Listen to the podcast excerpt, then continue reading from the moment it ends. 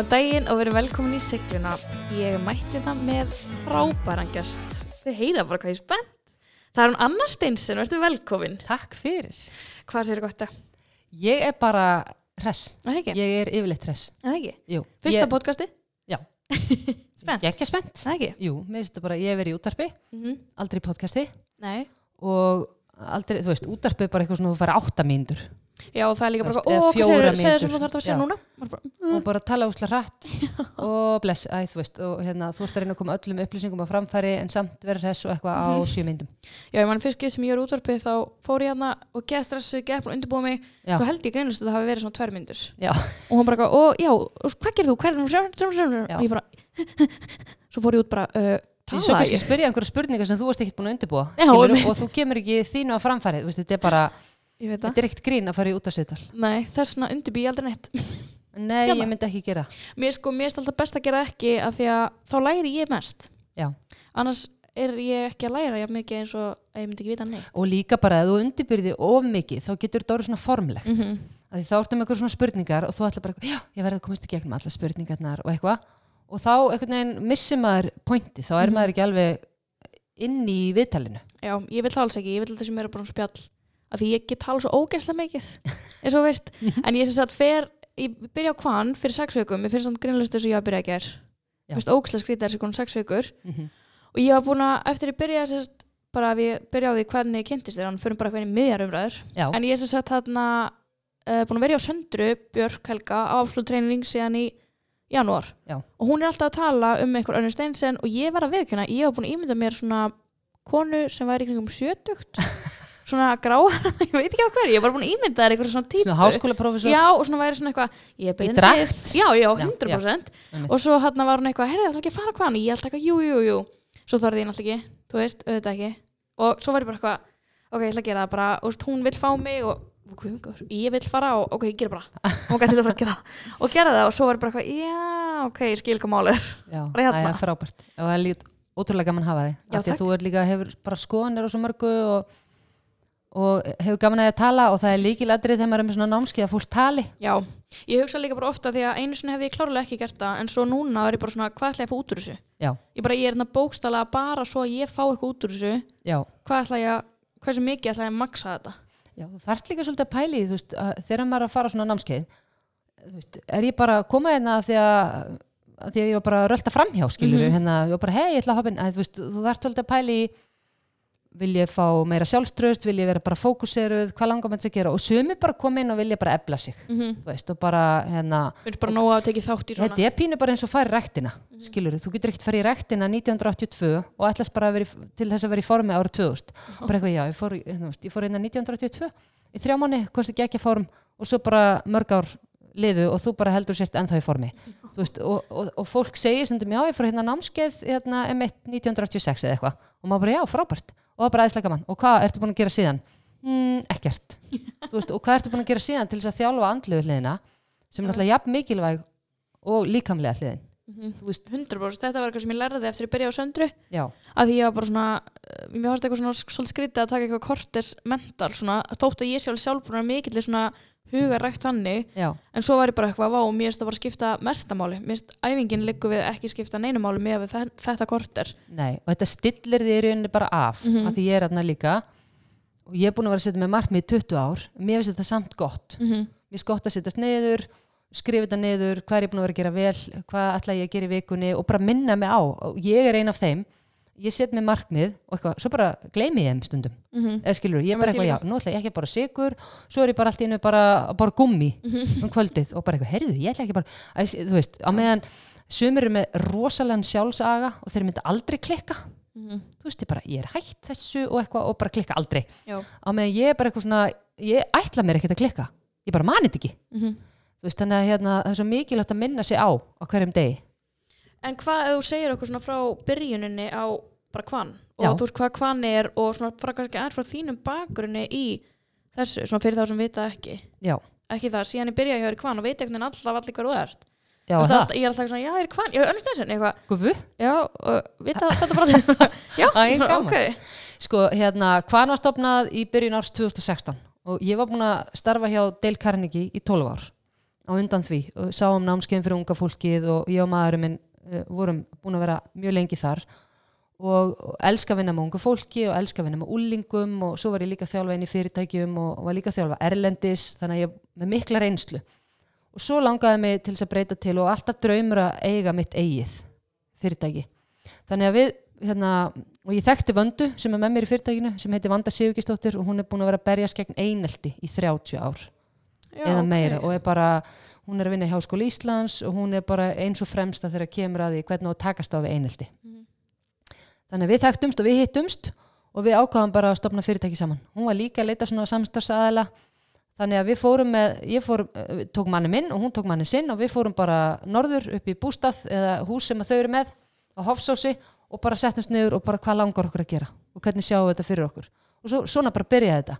Fundum nafnið, lögðum bara nánast heilan dag í það Mhm. sem er ekkit annað en bara upphafstafirnir okkar. Koppi, Vanda, Anna og Nonni. Nei, Jú. en á vegnum hjá okkur stendur samt Já, og á vegnum sko, af því að við viljum ekkit endilega þetta sé eitthvað kent alltaf við okkur. Já, já, veist, við viljum eftir 20 ár þá bara lifir kvan en það er ekkit eitthvað Koppi, Vanda, Anna og Nonni. Þú veist, það skiptir engu máli. Já, ég skilji. Og þá eru gildin okkar kærleikur, vinátta, alúð og nám. Og mér finnst líka bara ótrúlega mikilvægt þegar maður er að búa til svona gildi að tengja þau inn í, þú veist, hvan og svo er líka gildin inn í þetta þannig ég man þau. Mm -hmm. því fullt af fólki sem að byrja til gildi og man ekki neitt. Já, veit í einhverju fyrirtækjum þannig að, og svo líka, þú veist, þetta er alveg bara djúft hvan er, ég veit ekki hvort þú manst eftir myndinni Jeremy Maguire Ég hef aldrei hana nei, þá er hérna uh, gæi, þetta er bara mjög fræg Er ekki mynd, Tom Cruise sko. Tom Cruise, Já, nokkulega og Cuba Gooding Jr. yeah.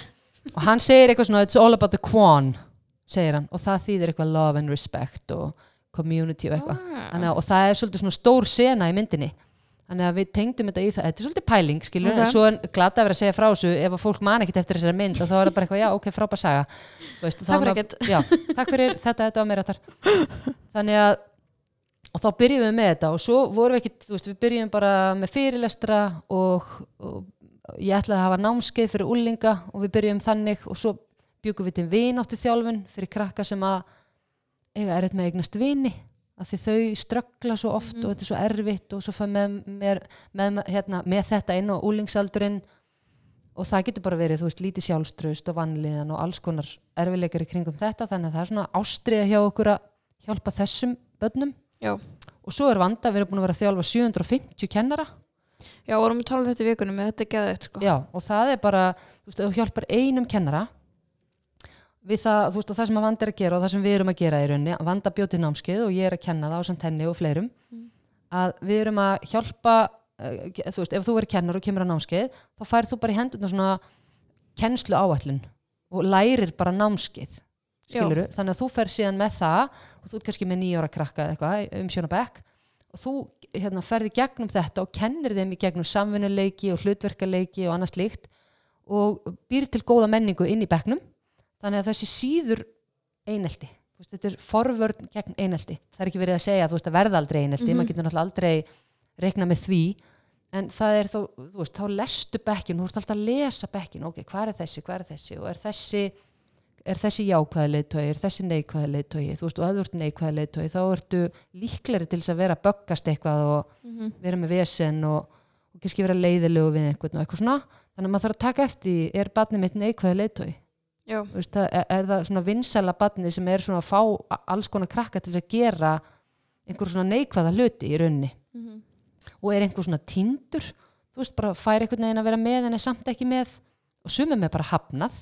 Þú veist, bara laðir í einelti og bara uh, hunsaðir. Mhm. þú veist, þú fær ekki að vera með. Þannig að þetta erum við að kenna kennarunum og einn kennari getur haft áhrif á heilan bekk veist, þannig að þetta er svona margföldunar áhrif þannig að það er eitt af því sem við erum að gera. Og svo erum við líka að fara að búa til svona fyrir fyrirtæki. Mér finnst það hljóma mjög spennandi því ég er búin að hugsa þetta svolítið síðan við vorum sérst núna í tímanum með leiðtá Já. og þá er ég búin að hugsa sko svona akkur, akkur getur þannig séð ekki hver sem er en akkur geta allir bara orðið yfirmenn? Við vorum um að ræða svona eitthvað slæma yfirmenn og góða yfirmenn sem við höfum haft. Já. og mér finnst oft svona eins og yfirmenn þurfi bara að vera góðir í vinnunni sinni en ekki samskiptum. Já.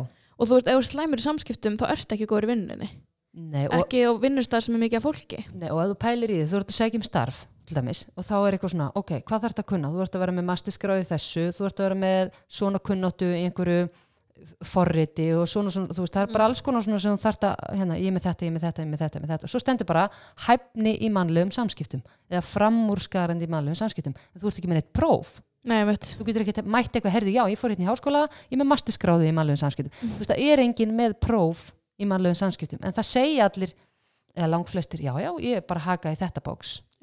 Veist, og stundum er það þannig að þú ert kannski búin að vera að vinna á einhverju vinnustað, þú er búin að standa þig vel og þá ertu bara gerður að yfirmanni eða þú veist, þú bara, Mhm. herðu, þú er búin að standa vel, nú ert þú yfirmaður þú ert engin yfirmaður í eðliðinu og ert engin leiðtogi það er alveg að þetta þjálfit upp Mm sumir bara þjálfita ekkert upp og eru bara glataðir í mannlegum samskiptum og missa frá sér fullt af góðu fólki Já. af því að þú veist, mann nennir ekkit að vinna hjá einhverjum yfirmanni sem að er ekki að næra mann Mhm. skiluru, þú veist, sem er bara eitthvað andalast að gaggrina og erfir og kannski líka með einhver svona sviprið alltaf, eitthvað, nú, hvað, eitthvað, þú veist, eða Þú bara er frí í dag. já, ert byttu þú Þetta er veist, lasin. n- já, byttu voða og svona eiginlega ert að segja þú veist, já, já, já, mannst að mæta næst, eitthvað svona óþægilegt, Já, líka bara atvinnuviðtal er úrslega fyndin. Ég var eitthvað að spáði í vikunni. En þú veist, maður fer í atvinnuviðtal já, og þú veist, ég hef aldrei verið reikin og lát- eða sagt upp. Ég var svona eitthvað að spá svona, ég hef bara farið í þrjú atvinnuviðtal eitthvað, ég er bara 24, búin að vinna samstæðar með fjör ár. Já. Og ég er eitthvað svona, ég var eitthvað að spá þessu, þú veist, og það er sagt í atvinnuviðtali, skilur, mætur þú vilja vinnu? Já. já, Ertu, ertu aldrei veik? Nei, ég er aldrei veik. Það verður óttu frí? Nei, ég fer aldrei veist, það er enginn að vera eitthvað, ég, mæti mjög illa og mjög veik. Nei, hver er það að segja það? Einmitt. Og hver er það að segja eitthvað svona, heyrðu, ég er hérna með masterskrá og þetta og hérna, en þarna neðsta, hæfni málum samskiptum, ég er ekki með það. Veist, en mér hérna, get ég fengið vinnuna? Veist, þá myndi allir bara, uh, nei, ég er ekki fara að ráða þig. Þannig að það segja allir, Mhm. já, Einmitt. þú veist, og, og er engin með þessu. Þannig að þetta er svolítið, hérna, þetta er svolítið erfitt að sjá og svo, og þetta er bara, eða þú ert að eða eða þú ert að þjálfa eitthvað lið, þú veist, í fótbolta Mhm. og þú ert að fara að finna eitthvað fyrirliða. Þú velur ekkit endilega þann sem er bestur í fótbolta Nei, þú velur þann sem hefur geggju áhrif á liðið þú veist, peppar, er hvetjandi Mhm. líka svona, þú sérð bara er leiðtói, þorir og bara rýfur fólk upp og þetta er ekki fólk sem er eitthvað að baktala eitthvað, eitthvað, oh my god, þetta er ömulega og þetta Mhm. er mm. ekki eitthvað svona, þú veist, man, uh, það er bara, þú getur alls ekki verið með svoleiðis leiðtói samt eru sko fullt af yfirmönnum sem er eitthvað að baktala, Hinn á starfsmenn. starfsmenn Einmitt. við hina, já, hún er nú eitthvað eitthvað, þú veist, uh, halló áttu Mhm. að vera að gera þetta Nákvæmlega. Mér finnst líka bara svo, að því ég var að fótbolta í tíu ár, að þú tengir við þetta, já, að þá var ég bara svona, þú veist, ég, ég sá gett svona að því ég hætti svo að það er okkur meistarflokk, bara svona orðin og mikið pressa og mér fannst það bara ekki gaman, ég var ekkit eitthvað sérstaklega góð í heldur. nei, En þá, svo að missa þú liðinu, já, af því þú varst svo mikil peppar og hvetir og alltaf svo gaman þegar þú varst. já, Og ég fann í fyrsta svona eitthvað svona, vá, takk. já Bara því að maður, þú veist, ég held að margir upplið það og sérstaklega krakkar í dag sem eiga bara verið geðvik og í öllu. mm Þú veist, þarna, þú veist, núna er bara raunveruleikin að þú veist, við komum, getum komist á heimsmeistra lista bara út um allt. já, Getum orðið best í fótbolta, getum orðið best í öllu. já, Og það eiga bara öll- pressa Já, og svona eiga bara allir að vera góðir í öllu og ég var Mhm. svona eitthvað, af hverju erum við ekki bara að, að hjálpa krökkum að vera góð í samskiptum af því það er það sem fleitir þeim það er bara líkillin ég er ekki grínst, ef við erum að Mhm. stopna skóla í dag þá er það bara nummer 1, 2, 3 og 17 það er sjálfströst og samskipti. Þú veist Mhm. að þjálfa þetta og auðvitað er mikilvægt danska og stærfara og allt þetta, þetta þjálfar heilan og allt það. En hvað viltu þegar barnið þetta er klárar grunnskóla? Einmitt. hva, hvað vilt, ertu bara eitthvað já, þetta er bara líkilatri að þú sért bara geggja góða diffra. Þú veist, það er enginn að segja þetta. Þú veist, þó að það sé mikilvægt, ég er ekki Mhm. að gera lítið úr því ég bara segja, þú veist, hvað vill maður? Maður vill bara að barnið í vini sé félagslega í Einmitt. lægi, líði vel og eitthvað, það er enginn sem segir eitthvað svona, ég vil bara, þú veist, hún fái nýju dönsku annars er lífið ónýtt. Uh, Nei, líka bara, ég hef aldrei notað dönsku sem ég hætti í, ég hætti í dönsku í mennskóla. Ég hef aldrei sagt eitt orð í dönsku. Þú veist, ég skildi ekki að það fyrir töðana mér að því að nú bý ég ein og ég er bara eitthvað svona, mér langar að geta geta að gera skattana mína án þess að það er að vera eitthvað, já, hjálpa mér? já, já, Eða skipt um dekk, eða ég þurfti geta að fá ítalega kennslu og pappa til þetta vatn á einmitt. Þú veist, ég er eitthvað, hvað ég er ég að eyða? ég Já, þú veist, mér finnst það. ég ógeðslega perrandi, þetta er perra mig sko og getið svona eitthvað basic hlutir sem ég þarf að googla. hérna, ég er alveg sammála. Það mætti kenna meira svona, þú veist, bara eitthvað á já, bara á lífið Mhm. og ég er ekki grínast, ég hérna þó að símanir og samfélagsmiðlarnir séu náttúrulega bara líkilætri á mörguleiti, Mhm. hérna hjálpa okkur og svona, að þá myndi ég ekki leifa símana þú veist, ég vil að fólk tali saman Mhm. ég vil að krakkarnir séu að horfa í augun á hvort öðru ég vil að bara, þú veist, maður ma, ma læri mannleg samskipti svona því ég hef tekið eftir í mist stundum eins og bara, þú veist, hérna þú ert að leysa ykkur vandamál, þú veist, úlingstelpur það er bara einhvern veginn, já, fara bara heim til sín og segja það sem það er ætla að segja í gegnum Snapchat, Mhm. þú veist, og bara skilur, er bara ádió og bara eitthvað já, mistu ekki hérna, mistu umleita og eitthvað svona, þú veist og svo bara hlustar hinn og segir eitthvað á móti en það er ekki að gera þetta já, face to face face to face Mhm. og mér finnst þetta ekki góð þróun þannig ég myndi ég myndi hafa svona iPada en ég myndi bara leifa það inn í kennslustundum en ég myndi Mhm. ekki hafa síman þú veist að því að hvað er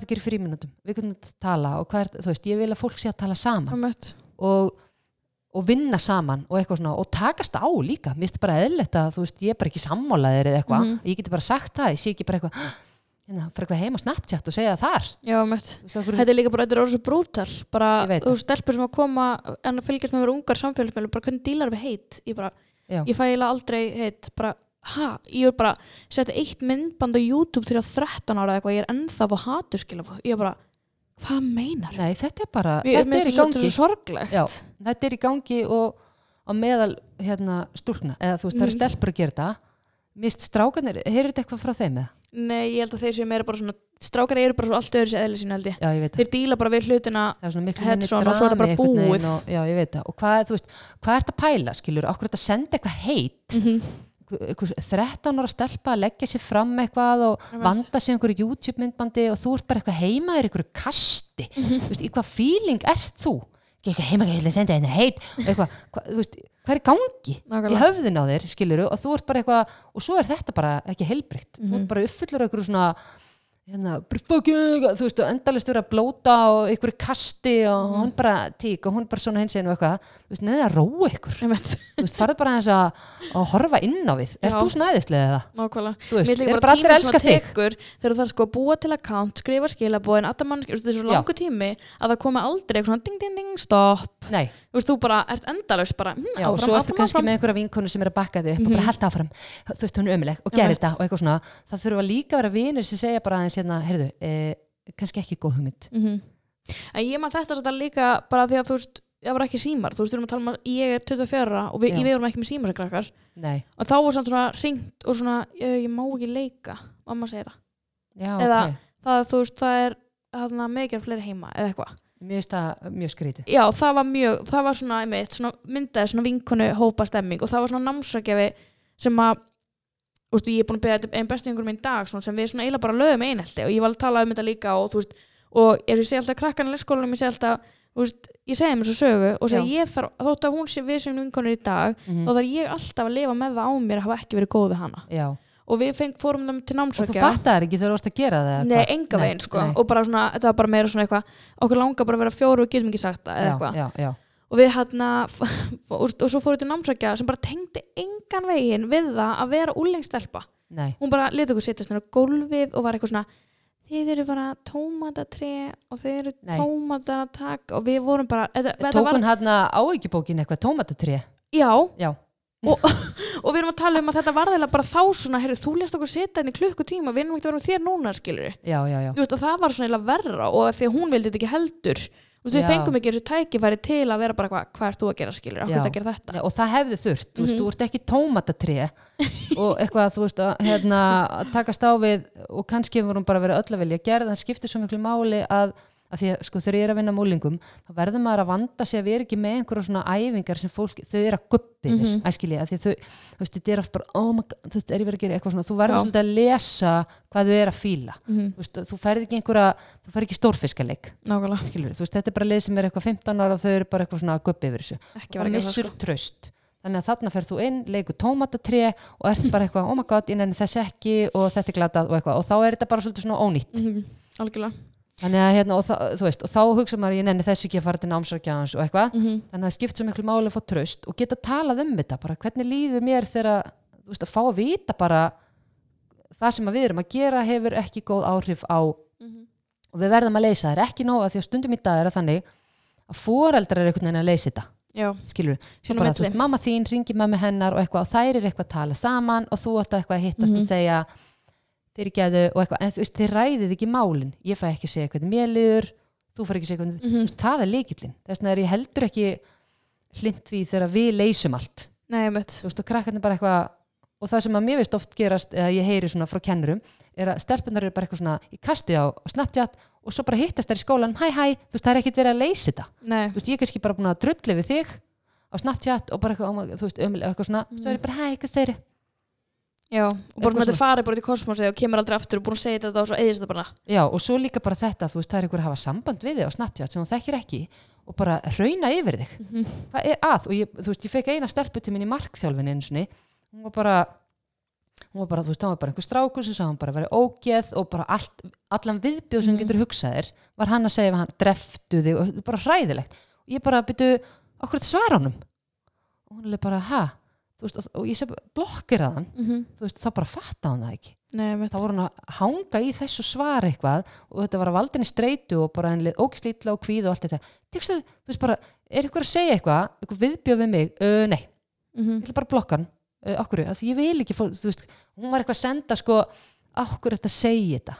Já, okkur þetta svona vondu við þá kom bara tilbaka því þú ert viðbjör, eitthvað svona, þú veist, og þú býður bara ykkur svona gæja upp í ykkur dans sem að þú ert ekki að fara að, hérna, þetta er bara ræðilegt maður á bara að fara úr strax. En það hefur náttúrulega alltaf verið, þú veist, þegar ég er yngri þá er formspring sem er náttúrulega bara svona sem var bara svona opið spjallsveði þar sem áttu bara þín síðu og það bara þú ert ágeð og þú veist, MySpace og svona já, þetta er- MySpace, já, ég man eftir það var svona meira að tók lengri tíma náttúrulega allt, að því núna er þetta bara út með þetta í hendinni og sér öll úrslaskilabun alltaf. Já, þannig að þetta er svona verra Já, náttúrulega og líka bara, þú veist, hérna, einu sinni í gamla dag, þú veist, ef það var eitthvað einelti þá, og þú komst heimtíðin, þá var allavega friður já, heima hjá þér, þú ekki það er náttúrulega slemt að vera leður í einelti í skólanum allt svona, en núna bara heldur þetta áfram. Þú ert Mhm. bara með þetta í símanum, þú ert með þetta allstaðar það er það sem er svo erfitt og svo mikið áreiti og svo skilur maður ekki minna, þú ert bara 12 ára eða 13 ára, 14 ára, okkur er einhver að segja eitthvað svona við þig, þú ert aðeins að pæla. Þú ert heima hjá þér og þeir eru ykkur tvær, þrjár, fjóra saman að segja eitthvað svona ógeslegt við ykkur, til hvers. Þú veist, hva, hérna, hvernig heldur á honum líði þú veist, og, hérna, og viltu í alvörunni að einhverjum líði svona ógeðslega Mhm. Þú veist, pælda þins Einmitt. ekki verið bara eitthvað heima er bara eitthvað, "Ú, eitthvað high five og bara, þú veist, gekki stemning Mhm. og eitthvað, og, og pældu líka þins það sem þú ert að segja, það hefur líka áhrif ferðu oft, þú veist, þegar þú ferð svona unga uh, krakka, ferðu þá oft það sem er bara eitthvað svona, krakkar eru bara svolítið átt að sá því að þeir eru gerendur já, sko stundum er það þannig að, að þau, þú, já, þú áttar þig kannski ekki á því stundum er það þannig og rannsóknir Mhm. sína fram á það að þegar þú ert laður í einelti og síðan leggur þú í einelti þannig Mhm. að það er búið leggja þig í einelti og þú leggur síðan í einelti að þessum krakkum líður vest Já. af öllum því varðandi einelti og, og þannig að það þarf svo mikið að hérna, grípa inn í og hjálpa þessum krökkum Mhm. og stundum er það þannig þau, og svo bara vita þau ekki af hverju þau gerir Þú veist, þau bara voru lögði einelti og það er mikil vanlíðan og ég vil bara einhverjum öðrum líði líka svona illa. Eða ég vil bara einhvern veginn ná einhverjum status já, komast inn í hópin þá ætla ég bara að vera ókslega leðilega við þessa. En ég fatt ekki alveg hvað ég er að gera og þetta er bara eins og þú varst að segja á hann já en þú fattaðir þetta ekki alveg. Nei, og maður var líka bara eitthvað svona maður vildi ekki, maður vildi ekki maður vildi bara fjórir, maður gati ekki einhvern veginn að það er svo rosa mikið svona eitthvað allir eiga að vera vinnir, allir eiga Nei, að já. leika. svo er það veist, annað. ég er alveg ósumála því að því að allir eiga geta, úst, það eiga allir bara virðingu fyrir einhverjum öðrum Já. og allir að geta umgengist Já, en ég er ekki sammála því að það eigi allir að vera vinnir það er ekki er ekki þannig þegar maður er fullur en akkur á það frekar að vera þegar maður er barn? Og það er fáralegt það Já, bara þori er ekki allir þannig að leika saman. Nei, Það- allir vinir, það er ekkert allir Nei. vinir þú veist, þannig að það er freka bara að því að vinátta er val Mhm. ég á að geta valið vináttu og kannski langar mig að vera vinkona þín en þið langar ekki til þess að vera vinkona mín það er bara allt í lagi Mhm.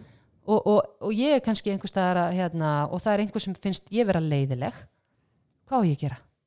Mhm. þú veist, það er bara þannig, þá kannski finnst henni að ég sé leiðileg og ég bara get ekkert að því gert, ég verð bara að reyna uh, og, og ef ég, þú veist það er líka svolítið að pæli því, ok, ef að maður er leiðileg við alla, þá þarf maður Já. svolítið að hugsa innan við, hvað er vandamálið? Þú? Já, já, það er það. En ef að kannski bara einhver stelpa segir ég nenni ekki að leika við þig veist, á- þá fer ég bara að leika við einhvern annan. Mhm.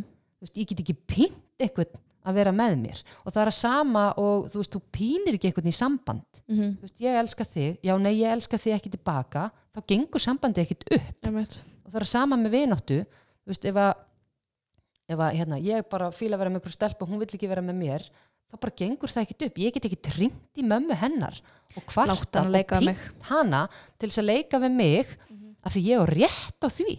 Veist, það er bara fáralegt þannig að við, mér finnst svo mikilvægt að við kennum börnum ok, uh, við fyrir mig gegnum lífið og það er bara sömum sem finnst þú vera leðilegur mm -hmm. og ég meina þú veist, þetta er bara sama með þig, þú ert hérna með podcast.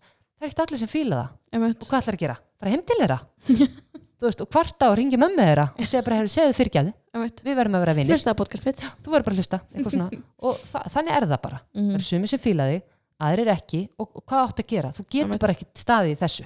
Þú veist, þú ert bara að senda skilabúðin þín út og svo bara æðislegt ef einhverjir Mhm. taka því og og það er sama með vináttu að hérna kennu bara krökkum, sumir bara eitt eftir að fíla þig og, og þú ert eftir að hitta fullt af fólki í framtíðinni sem er bara ekkert skemmtilegt. Og sumir bara vondir Mhm. við mann, en svo eru sumir æðislegir og frábæri, verður freka með þeim. Hver hanga með einhverju liði sem hann ennir ekki vera með þér. Mhm. Þetta er heldur bara í enda snýst svo margt um bara self-worth og bara já, að maður áttar sér svo seint á því hvers virði maður er sjálfur. Já, og maður svona lætur plata sig út í alls konar hluti bæði sem fullorinn og úlingur já. bara til að sanna sitt virði. Og bara þóknast. Mhm. Mig langar svo að þú sjáir hver ég er og eitthvað. Og ég er bara þóknast þér. Mm í raunin að versta sem við gerum. Það er að þóknast öðru fólki ég skil alveg að maður vilja að fólki líki vel við mann veist, en ég þarf ekki að fara eitthvað að gera eitthvað til þess að þú fíli mig -hmm. skilur þannig að, og ef þú ert með sterka sjálfsmynd og vinnur í sjálfsmyndinni og þú ert með gott sjálfströst að þá ert ekki að taka svona hluti nærri þér. En ef að sjálfströsti er lítið og það er bara líkillina öll mm ef að sjálfströsti er lítið þá er ég, þá móðgast ég oftast ég tek hluti nærri mér ég verð bara svona lítil í mér, ég hef ekki trú á sjálfur mér og ef ég hef ekki trú á sjálfur mér þá bara læti tækifærin fram hjá mig fara og ég tek allt nærri mér, skilur það segir einhver bara eitthvað, þú ert bara einhver og ég, og ég hugsa um það bara í marga dag og ég kemst ekki yfir það, -hmm. fæ kannski bara þráhyggju ég var alveg þarna Já. ég var bara, ég gerist eitthvað kannski 50 degi vinni, mm -hmm. svo kom ég eftir á þriðu dag bara eitthvað, hún var eitthvað að segja þetta Já. og ég kom með, ertu ennþá hugsa um þetta já, hættu að hugsa um þetta, ég bara, já, ég get það ekki hm, Nei, hérna. og þá færðu svona þráhyggju Já. skiluru, og svo ertu bara eitthvað og sömur er muna, er bara svona lang þú veist, ég er langreikin, ég bara manið í mörg ár þú saðir eitthvað hérna 1987, æ, þú veist, og maður bara í alvörunni, er það ennþá pælið því þannig að það skipt svo miklu máli að þú veist, og um leið og þú styrkir sjálfstyrstu þitt Mhm. Þá ert ekki að pæla í þessu. Þá Nei, ertu ég bara eitthvað ok þetta hætti bara heyrðu, strax. Hérna, hún er bara eitthvað, hérna, saði eitthvað og hvað? Þú veist, og kannski þarf ég að bæta mig. Þa, það er líka mikilvægt að skoða það. Það má heldur ekki vera bara eitthvað svona hún er bara fáið hún bara ömurleg. allir fá Og þetta það- nema já, ég. já, allir fá þetta og það er vest þegar þú færir svona fólk með þér í lið. Bara eitthvað svona, já, veistu hvað hún sagði? Hún sagði þetta, þetta. Og þá er hinn eitthvað hún er ömuleg þú stundum þurfa vini bara að segja, herru hættu sér rugli. Eins og vinkonu þín. Hún er, um svona, hún er svona og eftir að hún sagði þetta við mig þá var ég bara eitthvað ég heit allir helginni minni í allir illir sem skipta ykkur máli svo var bara Já. svona smá átbörst í vinnunni mikið ála og ég bara eitthvað tók upp innan mig sem var ekki persónulegt. Uh, nei, og svo var ég bara eitthvað eftir það bara nei ég get ekki verið svona. Nei, og bara tók mig á í þessu þetta var Bara þetta er svo snilldar þreytandi sko. já og ég líka alltaf ég vill fá réttu sko ég vill fá rámt svar þá ringi ég ekki hana. Eitthvað ætti ég að fara að gera þetta? Hún er nei ég vissi ekki að þú ringið þig. Nei og það eru alltaf einhverju vinir í kringum hann sem segja sannleikan beint út. Mhm. og þá er bara þegar þú þarft að vita algjörlega brutal honesty eitthvað, þá bara ringir í þá. Já. Þú veist það er vest þegar maður fær hérna eins og ég var að tala með á hann þegar maður fær hérna bara æskilur þegar fólk er að þú veist þú hættir með kærastana með eitthvað svona og svo ringir í vinkonum þær eru allir bara eitthvað ömulegt allt Mhm. ömulegt sem að þú veist þá sækir í svona kóara já. sem að eru pottið til að segja allt ömulegt og svo kannski segir ykkur önnu vinkona bara hvað er að þér er hann ekki bara eitthvað þú veist þá nennir maður ekki að tala við hana Mhm. Af því hún er eitthvað svona nei ég ætla bara að vera með þessum sem segja hann Já, eitthvað. skilja hvað mér líður já skilja þú veist og þær eru rauninni bara að bakka þig upp í rugglinu mm -hmm. þú veist, þannig að hérna en eins og segi, líkillin að því er bara styrkja sjálfstyrstið Mhm. veist. En við vorum að tala um líka bara ásamt leiðtóhæfni þá vorum við að tala um er veist, ég fekk bara spurningu sko í vikunni held ég, senustu viku Já. bara hvernig ég kynntist kærastanum mínum ok, bara e, til að vita hvar væri að finna þú veist, ást að því að hún væri bara Mm. með svo lítið sjálfströst og hún bara fyndi ekki, vissi ekki hvað hún að leita já og, og ég var bara, vissi ekki alveg hvernig sorry. En ég hérna ég fann hann í bíó. Hann bara ég spurði á- bara alla menn sem ég sá að hann var að fá sér pop nei, ég sko, ég, ég skildi alveg en alltaf raunveruleikin í dag er bara, það eru bara allir að horfa niður það er engin að, þú þú lappar ekkert sælít fannra, en Já. alltaf og hann, ég fæ alveg oft svona eitthvað að hvernig getur þetta, hvernig getur verið með svona auki sjálfströst og við vorum að tala um svona hindranir. Já, og það var mjög áhugavert. Já, mjög pyrrandi líka það er ekki bara svona, gerð þetta og það lagast. Nei, og hindranir eru bara alls konar. Og við vorum að tala um það líka, hindranir eru þú veist, þú getur verið rosa feimin mm. og það getur verið hindrun af því þú er ekki að tala um einhvern. Þannig að þá þarf ég svolítið að pæli því hvernig get ég unnið í því? Að því stundum er þetta hamlandi. Já. þannig ég þarf þá að fara eitthvað námskeið eða bara, ég þarf svolítið bara að augra mér að fara út fyrir þægindarhingin Mm og, og svo getur það verið bara ég hrætt við álit annara ég er alltaf að pæla í hvað öðrum finnst. Og ég ger ekki neitt að þeir alltaf pæla í hvað öðrum finnst. Þetta er rosa stórt. Uh, og þú veist, við erum svolítið mikið að pæla í þessu. Svo eru aðrar hindranir sem eru alls konar svona, þú veist, ég er löt eða ég er alltaf að fresta og eitthvað svona, þá þarf maður að pæla í á hverju er alltaf að fresta? Æ, ég bara, þú veist, hérna, langar að gera fullkomið og þá verður það svolítið erfitt og svona íti þessu undan mér. Og akkur viltu gera þetta fullkomið af því að, þú veist, hérna, mist erfitt að gera mistök. Akkur finnst þér erfitt að gera mistök, hvað gerist þá? Já, þá er allir að tala um það. Já, þannig að, þú veist, hindrunin er álit annara Já, og nú býrði til eitthvað svona stærra sem að Já, þú verður svolítið að fatta hver, hver er kjarnin á bakvið hindrunina. Þú veist, akkur þarf alltaf að vera fullkomið? Þú veist, akkur má maður ekki sína veikleikamerki? Af því að meg ekki, hinir meg ekki sjá. Hvað meg er ekki sjá? Mhm. að ég er ekki pottit. Okkur með er ekki sjá það? Og þá fyrir maður að hugsa veist, ég er bara hrætt við það að aðrir sjáu að ég er ekki með allt á hreinu. Og þá er ég hrætt við álit annara Já. þannig að hérna, til þess að styrkja þetta þá er líkillin að styrkja sjálfstrust Mér finnst mjög pyrrandi að sé ekki að borða kál fjór sem viku og já, borðaði bara grænkál Já. og þá bara ertu mikið ekki Þá sjálfstrust lagast þetta Já, nákvæmlega, en, en þú veist, overall ef þú ætlar að vera góður í einhverju þá þarf það að styrkja sjálfstöðst þitt, hvernig sem þú gerir það. Sumir fara bara leiklistanámskeið sumir lesa bækur og eitthvað en líkillin er að gera það sem maður er hrættur við. Þannig ef ég er hrætt að tala upp á sviði guess what, þá Þú að verður það. að fara upp á svið. Þetta er bara eins og þú eru út á hérna, hestbaki og þú dettur þá þarf það að fara strax aftur upp á bak. Á hverju? Af því að annars kemur kvíði. Þú, þú eru svo aldrei aftur. Og myndur þú segja þá bara leikilatriði gagvart þú veist öllu sem að bara sjálfströst er Já, er að íta sér áfram í eitthvað sem að Já, ef þér finnst eitthvað erfitt mér finnst bara erfitt hérna, sumum finnst bara erfitt ef það eru kannski fjóri, ef ég er að tala við þrjá eða fjóra, þá líður mér vel en um leiður komnir átta, Mhm. þá hætti ég að tala. Það eru margir sem tengja við þetta. Já. og, og, og ætla ég bara alltaf hafa þetta svona? Og ef ég vil hafa þetta svona þá bara ræður þú því, skiluru en hérna, hvernig að hafa þetta síðan þegar þú ferð inn í fyrirtæki og eru átt á fundi? Það bara aldrei að tala? Æ, þú Farð út. Já, herðu, nei, ég get bara að tala við fjóra. Farið þið fjögur út, þú veist, þetta er ekki hægt þannig að þá þarftu að vinna í þessu þá þarftu bara að vera með marg á fundi og æfa því að tala. Þetta er einn ótrúlega einfalt að bara allt sem þú hræðist og þú vilt vinna í þá þarftu bara að gera þetta aftur og aftur og aftur og aftur og aftur og svo þarftu að vera með svona peppara. Já. skilur, ekki vera með einhverja manneski sem er eitthvað oh my god, þeir textið ekki veist, ég bara, ég vissi þetta og þú ert bara ekki svona típa, þú ert ekki byggð í þetta eitthvað svona, þú þarft að vera með eitthvað sem er bara hei, áfram þú á kantinum, skilur bara trúaður, jö, eitthvað svona pínu trillt. Mhm. til þess að hérna, gera þetta. Já. af því að svo hefur maður bara séð fólk sem að bara um leið og styrki sjálfstyrsti það er bara, það er bara ótrúlega að fylgjast með líkamstjáningunni. Mhm. þá bara fólk fyrir að horfa upp um, já, það er bara svona ber sig öðruvísi. þú veist, þegar maður er með lítið sjálfströst og líður illa og er í vanlíðan þá bara einhvern veginn krumpast maður svona saman heldur svona kannski um hálsin á sér Mhm. og bara svona, þú veist og þú getur alltaf séð á úlingum og börnum þegar þeim líður illa. Já. þú veist, þú sér það á Ber líkamstjáningunni. tilfinningar út á sér eða þú veist, utan á sér. Já, og kannski virkar einhver rosalega reyður en hann er í rauninni bara ósalega leiður. Það, bara, það byrtist í reyði Já. skilur hann er bara í bullandi vanlíðan eða einhver stelpa svona töffarar oft sem er bara eitthvað, your system og eitthvað. Þetta er oft krakkar sem eru bara uppfulla vanlíðan. En þau kunni ekki annað en að bara uh, eitthvað, Mm. trillast. Og það, mér, þú veist, ég fæ ótrúlega mikið út úr í að hjálpa svona börnum og úlingum, mér finnst það bara því líkt gefandi, keirum áfram. Gekja. þú veist, þetta er ástriðan það er að hjálpa þessum krökkum og því, þú veist, bara það. Að hjálpa þessum krökkum og svo kannski bara velur þér einhvern mentaskóla af því að nú ertu komið með meira sjálfströst Mhm. og þá valdur þér annan mentaskóla og þá hittur þau einhvern sem að veist, verður ástiðin eða veist, hérna maðurðinn eða konaðinn eða hvernig æskilur það Mhm. bara breytist lífið og þú, fær bara nýja vinnu og þú ert ekki svona fórnalamspakka já ég, ég get ekki þú veist, það er bara öllum öðrum að kenna hvernig mér líður gerist alltaf alltaf vant fyrir mig Já, og þú veist, þú ert að fá spurningu, hvernig ferði í rektina? Já, sko, það, það er eitt sem ég kann ekki svara því ég sé alltaf bara að gera það bara. Að því ég meint bara þegar ég byrjaði fyrst þá fannst mér þetta mjög erfitt og mjög Já. mikið af fólki og ég ennlega bara úr smábæði sem allir vita hvað það eru.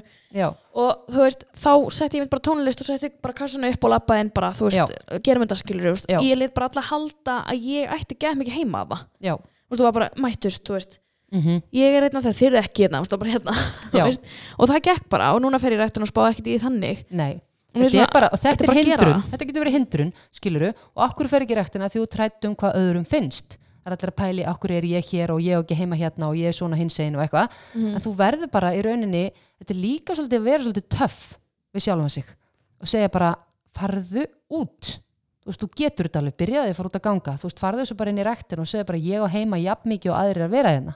Mhm. og og svo ég bara gerir þið Já, þú, alvörinni, bara út með þig Mhm. þú veist, statt upp úr sófanum þú veist, eða ert með einhver bara hérna, nammiskál og eitthvað svona þú veist, og ég, ég get ekki þetta og ég get ekki hitt og eitthvað svona, þú verður að fá pínu svona, þú verður að kveikja eld Mhm. inni þér og bara áfram með þig og hafa trúa þér þú veist, þetta er ekkit öðru þess vegna ert ekki með svörin við þessu, að þetta er ekkit annað en að fara Mhm. fara í fyrsta tíman og bara, og þú veist ég meina, farði bara í eitthvað tíma eða eitthvað, þú veist, vertu aftast ef við finnst þetta bara geggja óþægilegt.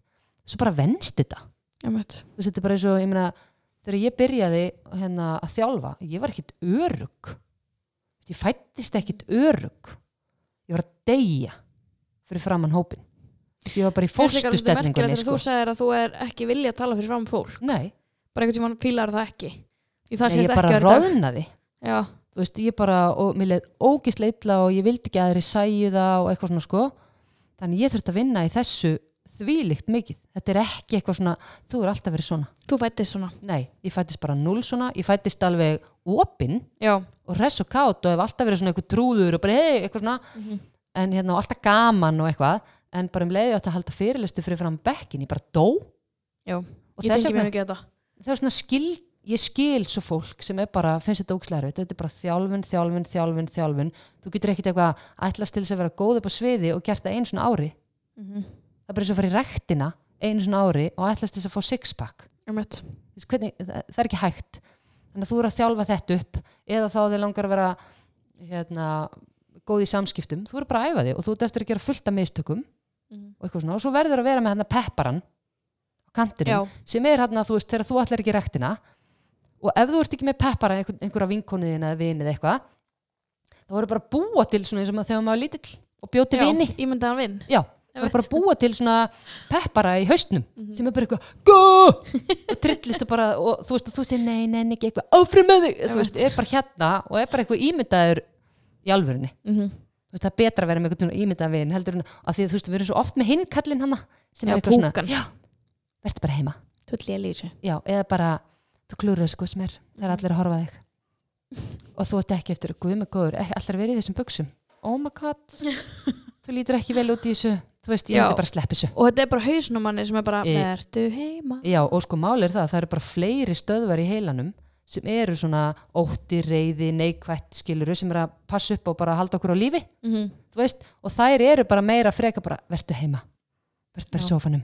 Þú veist, það er bara ein hann hóp þú veist, eða von sem er bara eitthvað áfram, áfram. Veist, og hún er eftir að berjast við alla hina. Þetta er bara eins og í teiknumyndinu þarna, Inside Out, góð. Já, ég elska hana. Og þetta er bara, svona er þetta. Það er bara eina berja, bara, eitthvað.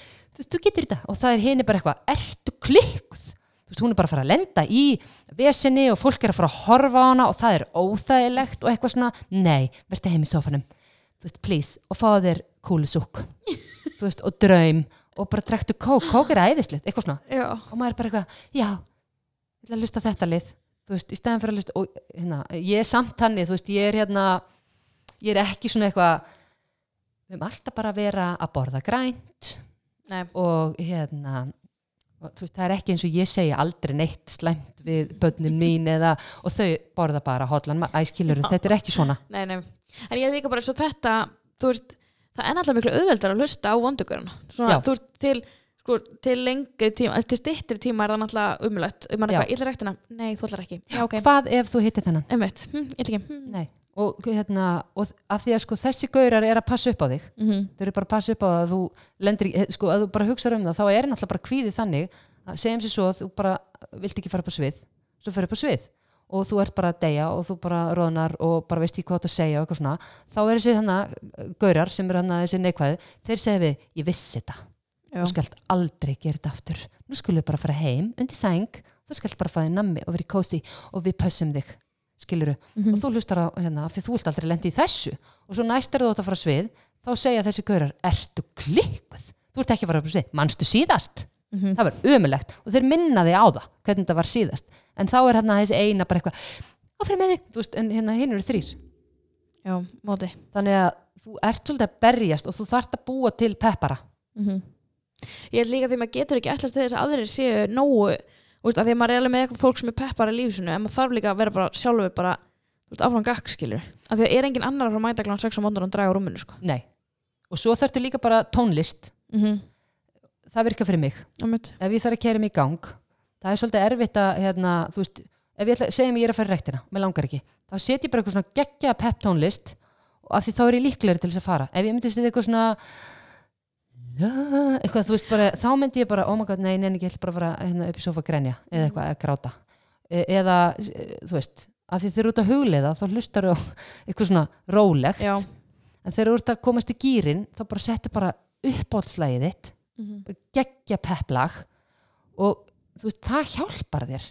Já, algjörlega. Ég er líka bara sko uh, þegar maður er komin á það steit að vera búin að fara þú veist, ef markmaður sem bara oft í rektina, oft í göngutúr þú veist, þegar kemur að loka ekki loka, svona, kemur á einhverju stöð sem er bara, mér líður betur ef ég fer ekki. Já, nei, er fer heldur en ef ég fer ekki. Já, þú veist, að því að maður er alltaf eitthvað svona ég á skili að vera heima, ég Já. á skili að panta með pítsu, já. í staðin fyrir að vera bara eitthvað, ég á skili að fá mér avokado ég ætla að vera góð við mig og fara á æfingu. Ég á skilið að fá mér avokado. Ég ætla að taka þessa setningu næst. Já, því að ég, svona- bara, ég ætla að vera góð með mig á skilið að fá mér avokado. Já. þú samt langar mig í gummi en ég ætla að fá mér avokado.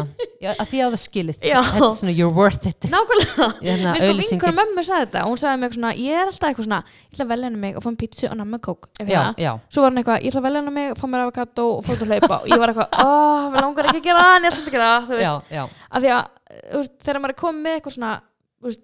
mér leiði bara betur í haustnum líkamannum, og þú veist eh, skemmtilegt að fara og hitta fólk í Já. rættinni í staðin fyrir að vera eitthvað, ef ég verið óstöldil í rættinni í vikunni, þá fæ ég á lögadaginn að fara að famna mig svo er það líka bara því við vorum að tala um það síðast við vorum að tala um væntingar. Þú veist Mhm. að vera ekki með ómikla væntingar. Þú þarf svolítið að pæli hvar ertu í lífinu.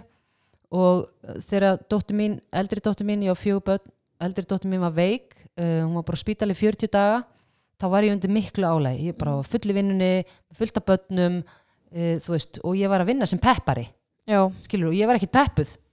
Á, hérna, marga daga, en ég var alltaf að fara upp á svið og hei hó og bara vera hress, þetta er náttúrulega það er líka álag.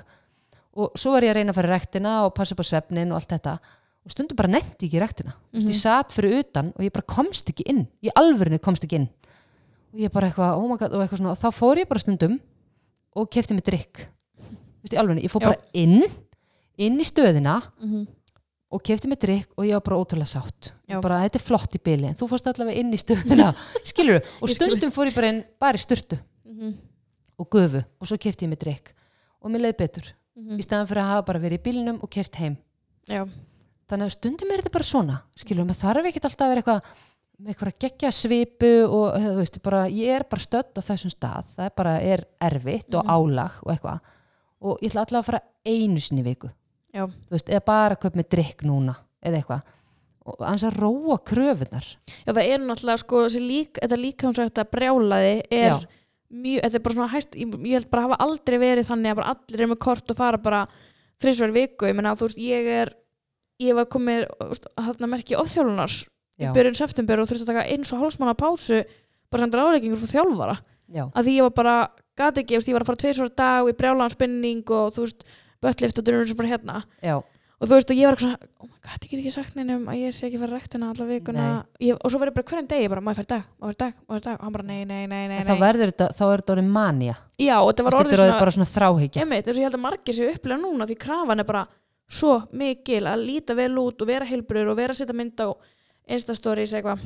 Já, en Sem- sko svo sagður þú veist líkilsetningu þannig hún sagði, þú, þú sagði líta vel út og vera heilbriður þá þarf þetta að pæla í hvað er að vera heilbriður ekki þetta. Nei, það er bara alls ekki að mæta tvisar á dag og vera bara eitthvað svona trilltur og geta ekki sopna bara, mm, þú veist að því maður er bara og ef þú ert með sko kröfunar allstæðar í toppi Mhm. Þú veist, ég bara fá frábæra einhvernir ég er að vinna fullu uh, til að fá pening og ég er að sapna mér og ég er að hitta vinina og ég er bara, þú veist, ég er rektin á fullu og bara allir, og svo er ég bara gegja peppuð og allir glaðir og eitthvað og svo kannski líður manni bara illa bara með kvíða, því líður bara illa og, og þá, þá eru kannski bara kröfunar svo rosalega miklar. Og þá verður aðeins að slaka kröfunum. Þú getur ekki staðið í þessu. Þá áttu freka bara í tvo mánu að fara bara í hugleyslu og jóka og þú varst bara að tala um mig hann já, bókstóla Já, eða veist, Já. þetta, þetta er ekki bara þú, þetta er bara fullt, Fólk, já, fullt af fólki sem er þarna og sem fattar ekki og svo er það bara eitthvað svona, hvað er að þér, hvað er að þér, Mhm. verður glöð, verður þakklátt, svo líður manni rosalega illa og maður er eitthvað bara svona, ef mér líður illa, nei, nei, nei, áfram með eitthvað svona, öðru liður verð já, ég þarf að vanda mig á þessu því ég gleymi mér stundum. Og hérna, eh, þú veist, ef að krakkarnir mín er að segja eitthvað þá segi ég svona setningar sem ég þoldi ekki sjálf að heyra bara eitthvað, bönnin í Afríku. Já. svo er ég bara, hvað ert að segja?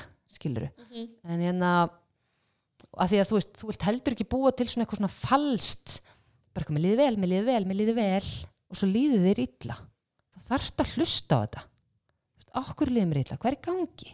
Og þá þarf ég einhvern veginn að vinni því og næra mig skiluru, en Mhm. ekki bara eitthvað nei, nei, nei, ég peppuð, ég peppuð. Einmitt. nei, mér líður illa, ok, þú veist farið þá til sálfræðings eða þú verður að vinna úr þessu eitthvað svona. Og, og ég er ekkert að tala um að þú sért í einhverju svona bara að því sumir eru eitthvað, mér líður illa, mér er alltaf illa. Já, ég er bara búin að líða illa í 50 ná ár.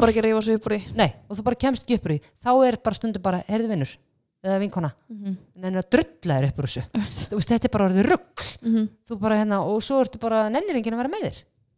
Því þú ert bara eitthvað engin, þú veist, hérna, og, og allt er bara illt í meðminni og bara úkslen hausverk og eitthvað svona, þú veist, ok, nú verðum við aðeins að stoppa. Mhm. og gera eitthvað í málunum. Þú veist, að því þú getur heldur ekki verið því ég held líka að það sé vani já, að líka kvarta svona gera svona þú sérst niður stendur upp. Já, þetta er svona andvarp. Já, því ég gerði þetta alltaf. Og ég fattaði ekki fyrir ég var að gista á sýstu minni. Og ég sýstu minni um svona alveg eins með allt margt svona. Já. og hún eitthvað svona, það er þrjá reglur þú gistir að mér. Ó. ég bara eitthvað og hún bara eitthvað, ekki vera alltaf að andvarpa. Nei. ætti að horfa alltaf niður þú lappar Já, og ekki alvöru? smjata og ég bara eitthvað, þú ert óþólandi nei, þetta er ógæðslega fyndið. Já, mér þetta er fannst bara þetta náttúrulega fyndnustu reglur sem ég æfum neitt. Ég ég alls ég ekki tala. andvarpa. Nei, að því ég var að Ekki settist smjatta. niður og alls ekki horfa niður. Nei, nei, að því ég var að lappa að því ég var bara, og, veist, þú sást bara á mér að því að þú þekkti, þú veist, þau eru bara þekkist þekksökur og Já. þekkti mikið þannig, en það var bara svona grátt skýið mér alltaf. Já. og það var óþólandari kringum mig. Já, og ég skil alveg að fólk samt er ekkert að fara að yfirgefa mann en ég skil það bara núna bara hvað óþólandi já. Það- ég var alltaf, allir enginn að spyrja mig hvernig lir? Nei, og enginn er að leika við mig. Já, ég er að hann legin, allir legin með nei, nei. og svo er ég bara alltaf að horfa niður til labbaði og, og, og hún bara, hættu. Já. og þá fór ég að taka eftir því hvað mér finnst það pirrandi? Herri, þetta er bara, nei ég er ekki að tjóka ég er bara að fara að búa til nýja reglur í hvann þökk sé sýstu þinni. Þá er ég bara að fara í, hérna, ég veit ekki með smjatta samt Nei, nei, nei. sko, þú veist, ok, en það er samt pyrrandi skilur uh, en bara ekki andvarpa Ég og ekki horfa niður. Mhm. horfðu upp og bara, að því þetta er bara eitthvað svona þú veist, sumir sem er að kvarta maður, heyr, þú veist, þegar fólk er eitthvað svona fyrir ekki, ekki, Mhm. Ég eitthvað, ekki þú veist, maður bara, ó, já, við þurfum aðeins að hressa, þetta eru snildareglur, Já, og ég líka því ég vissi ekki eins og sjálfur að gera þetta. Þetta er svo ég veit og þú það. veist þetta er bara eitthvað svona leið til að fá fólk til að spyrja er ekki alltaf lagi? Já, og, já. veist, og þannig er maður Já, bara að vantar eftir einhverju. já, og maður er bara að kalla eftir einhverju Já. hjálpiði mér? Og maður kann ekki segja það og maður veit ekki hvernig maður á að vera og maður er bara allir enginn að segja eitthvað? Þú veist, þetta er svona eins og þegar litla stelpur eru að leika saman og þú veist, ein kemur með svona fílisvip og fer svona til hliðar. Já. Þá eiga allir að koma, hvað er að? Hvað er, nei, ekkert. Jú, hvað er að, þetta er svona svona þetta er svona andvar, please byrja mig, þetta er svona fórnalams sem ég meik ekki. Nei. en þú veist, manneskja sem er að gera þetta mitt eins og þú veist, þú veist, þú bara fattar þetta ekki. Mhm. þetta er svona eins og þegar þú ert svona að hrista fótinn. Þú veist, þú situr ykkur stóra að hrista fótinn og svo kemur einhver og segir, heyrðu eða situr höndin á læraður og þá fattar hvað það að gera. Við erum svo ofta að gera eitthvað á þess að við höfum hugmynd um það Já. meiri sé ég er búin að vera að kenna samskipti í 20 ár. Stundum er ég bara eitthvað skilu, ég get alveg verið með leiðilegan tón. Ég var bara með, með mannum minn um daginn eitthvað, þú veist, akkur er ekki bara og þú veist, hann var alveg bara, akkur ert að tala með þessum tón? Og ég bara eitthvað ég er ekki að tala með þessum tón. Þú veist, þá svaraði ég honum með tóninum skiluru, já, og hann bara eitthvað, e, jú, þetta er svona ásökunartótt ég bara, nei, svo var ég alveg veistu hvernig þú ert? Stundum eitthvað svona, oh my god. Þú veist ég var að samt bara eitthvað veist, en þú, eitthvað. Og hann bara í alvörunni. Svo bara fattaði ég þetta sem betur fyrir ég bara búin að vinna við þetta það lengi, en sumi myndi bara þarna fyrir fíl Já. Snúðs við. já, þannig að hérna, við erum öll að gera alls konar. Ég held að við ættum frekar aðeins að hugsa inn á við og pæla bara í því veist, hvernig get ég bara verið góður í dag Mm þú veist, og bara gert eitthvað gott í dag, mér finnst líka svolítið mikilvægt að fólk pæla eins í þessu. Já. bara til að gera góðverk En það hvernig hjálpa einhverjum út í bú þú veist, að þetta bara eigur hamingju. Já, ég er sammála þér þetta, ég ger eitthvað góður ég manni ekki hvað er og ég var bara svona, já, ég bara alltaf skræmi í góðgerðsandögu og svo verður bara svona e, e, róm, og græs, En í hvað fyrst börnunum til dæmis um að þú sért svona, er er þau stundum alveg bara, hættu mamma.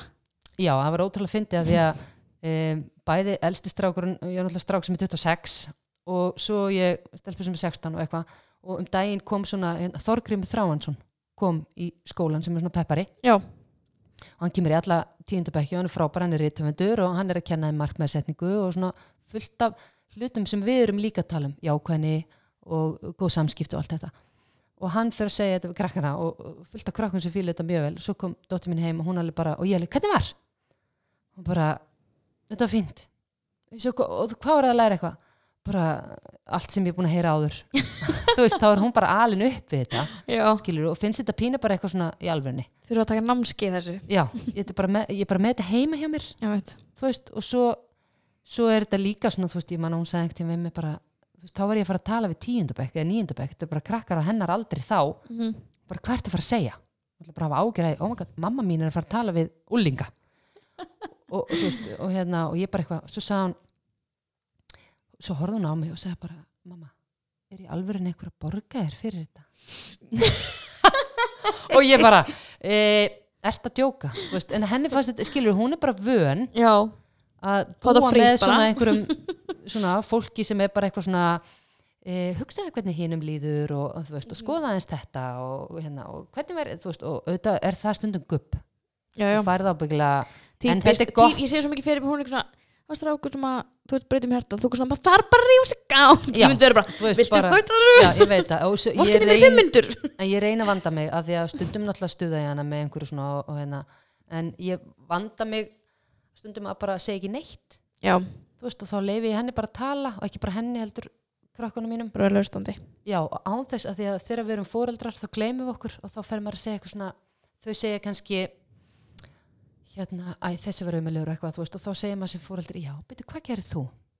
Þú veist, Mhm. eða ég er óslega þreytt og eitthvað, þá segir maður sem fóreldri bara, byrju, fórst ekki seint að sofa, eitthvað, bara svona bögg, Já, svona ásaka einhvern er veginn bara svona leiðilegt, Mhm. skilur, auðvitað fóruð þau seint að sofa og eitthvað, en þurfum við endalist eitthvað að poti í það. Þegar þau er samt þreytt Já, og bara, já, þú hefur nú kannski átt að hugsa það, þú fórst eitthvað æskilur, mm -hmm. þannig að, og ég gleymi mér alveg, þú veist, þannig að stundum veit. vanda ég mig og segir bara ekki neitt Mhm.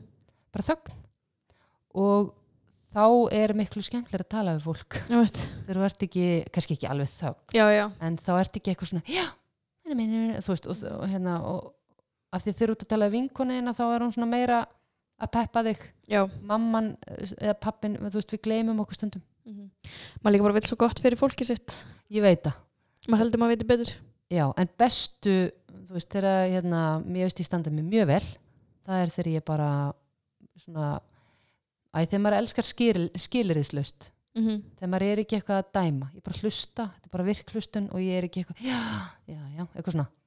Það finnst mér eiginlega best og svo bara, þú veist, þú ert fóreldri, ég meina maður gerir mistök, mm -hmm. þetta er ekki 100% sko, þú veist, og, og þú bara gerir þetta besta til að upp sjálfstæða einstaklinga og bara búið til góða mannisku eins og hægt er, svo er bara svo ertu bara flógin og reyðrinu áður en við vitum á og þá bara vonum maður að besta, þú veist, ég bara gerði mitt allra besta og ég hefði geta verið, þú veist, ég, ég gerir fullt gott, ég hefði líka geta gert fullt betur.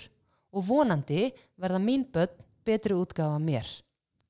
Skilur, og þeirra börn betri útgáfa af þeim. Þú veist, maður á alltaf bara læra það sem að maður fekk frá fóreldru sínum og gera aðeins betur. Mm. og En þú fórst aðeins yfir markmiðsetningu já, Segðu okkur frá því, hvenar? núna. Þú fórst aðeins inn í og var að tala um markmiðsetningu með krökkunum um Já, Þú ætlar að segja okkur frá því núna því ég elska markmiðsetningu mm Mér finnst markmiðsetningu eitthvað svona sko, mamma leti okkur alltaf gera svona, mark, svona drauma spjöld í alvöru, Mhm. snillingur? Já, mér fannst það ógeðslega glata á Þá? tímbili, já. já, en svo núna finnst mér óslega gaman að mér fyndi hún leti okkur gera svona drauma bók já. bara tóma stílabók og við kliftum á tímaritum og við vinna hárgruðstöðu, náttúrulega ógeðslega mikið af tímaritum, Vá, já, og veistu hvað er bara í bókinu minni? nei. Þess- mér finnst það svona sorglegt núna. Það eru bara, þú veist, brúðakjólar ringar, salir. Hvað varstu gömur? Ég var svona 11 ára Í alvöru? já, og bara, bara endast á brúðakjólum svo aftast er, er svona svartur pick-up með fjólublám eldingum Nei, það var eina sem vildi var að gifta mig og eignast pallbíl en það er ógislega fyndið ef að þetta síðan rætist ég, ég hlýt að verða bara wedding planner eitthvað með við það. bókina Já, sko. með við bókina Já, sko, hérna, það eru bara til alls konar það, er alls konar markmiðasetning Mhm. og þetta er eitt form það er að sjá fyrir sér framtíðina bara og lefa sér að dreyma og sky is the limit Mhm. og það er æðislegt af því að fólk stoppa sig oft af það er alveg bara svona þú veist, þú teikna kannski bara að þið langar að fara í ferð eða eitthvað þú bara nei, á ekki pening. Það bara skiptir engum máli. Mhm. þú voru bara að setja allt sem þið langar þess að gera. Og þetta er svo valdeblandi þú veist það er svo og svo hefur þetta bara fyrir fram að þig og bara ég ætla mér þangað. Og það er til svo mörg dæmi um fólk sem hefur sett eitthvað niður og svo bara rætist það af því það er svo fókusirað á að það langar til þess að fara þessa leið. Mhm. ég bara, þú er heyrt fólk sem segir bara ég ætlaði mér, sem að kannski bara er að alast upp í fátækt ég ætlaði mér að ná árangri Já. í fótbolta eða leikarar eða hvernig sem það er. Þetta er bara fólk sem missir ekki sjónar á því hvað það langar til þess að gera. Og svo eru sömur sem að þú veist, stundum er líka gott að vera í flæði. Þú mátt heldur ekki vera of stífur. Þetta er bara veist, stundum bara, hérna, þú ætlar þér að gera eitthvað og svo bara breytist það. Mhm. Og þá ferður bara að gera eitthvað annað. Þá bara setur þú ný markmið, það má heldur ekki verða eitthvað svona veit, e, þetta má vera góð þráhyggja. Þú veist, en ekki þannig að þú bara missi vini að því þú ætla bara hérna, er bara svona trillt trillt, trilltur í þessu. Þannig að þetta er eitt form. Og svo getur þú líka verið bara það sem gerir svona bucket list. Já. allt sem þið langar að gera þú veist, á næstu 20 árum eitthvað slíkt. Og bara skrifa þetta allt saman niður mér langar að tónleika, mér langar að gera þetta, mér langar að gera hitt og eitthvað svona. Og svo er líka, getur þú brotið niður markmið. Næstu þrjá mánuði, hvað ætlar að gera þá? Næstu sex mánuði, hvað ætlar að gera þá? Og hafa þetta svolítið svona skipulagt. Við erum ekki bara með eitthvað svona, ok, næstu þrjá mánuði ætla ég að komast í form Mhm. og vera hress. Þú veist, ok, æðislegt markmið en hve- hvernig ætlar að fara því? Og hvernig ætlar að gera og þá gerir þú svona smart markmið. Þar sem þú þarft að hafa þetta svolítið skýrt og líka bara langar þið virkilega til þess að ná þessu markmiðum. Mhm. og það er aðalatrið þú veist, annars gerur þetta ekki. Það er Einmitt. pott, maður gerir ekki eitthvað sem manni langar ekki til þess að gera. Nema maður alltaf, þú veist, stundu verður maður að taka til í geimslunni Mhm. þú veist, þá þarftu svolítið að búta þetta niður. Svo þá maður líka pæli að þeir sumi krakkar eiga mjög erfitt með að, að krakkar sem eru með tilfinn, eða svona vanda, þú veist, þau bara eru með hegðunavanda þá brýtur þetta svona niður fyrir þau og bara ef þú ert góður í sjö mínútur þá farið þau svona tegju eða fá- fyrir stjörnu eða eitthvað slíkt, að þá gerur það þannig you set them up for success. Skilur þú myndir aldrei segja við þessa krakkar nú þarfst þú að vera góður í klukkutíma. Það er ekki séns þau náið því. Mhm. og þá erum við endalist að brjóta þau niður.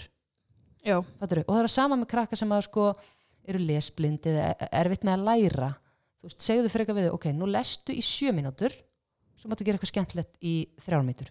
Já. eða eitthvað svona, eða gera eitthvað skemmtilegt í sjö mínútur. Svo lestu sjö mínútur þú getur ekki sendt krakka sem bara get ekki lært inn og satt bara eitthvað, komdu út eftir tvo tíma Mhm. og ertu búin að læra, þau bara guppa og fara að gera eitthvað allt annað og horfa á vegginn sko.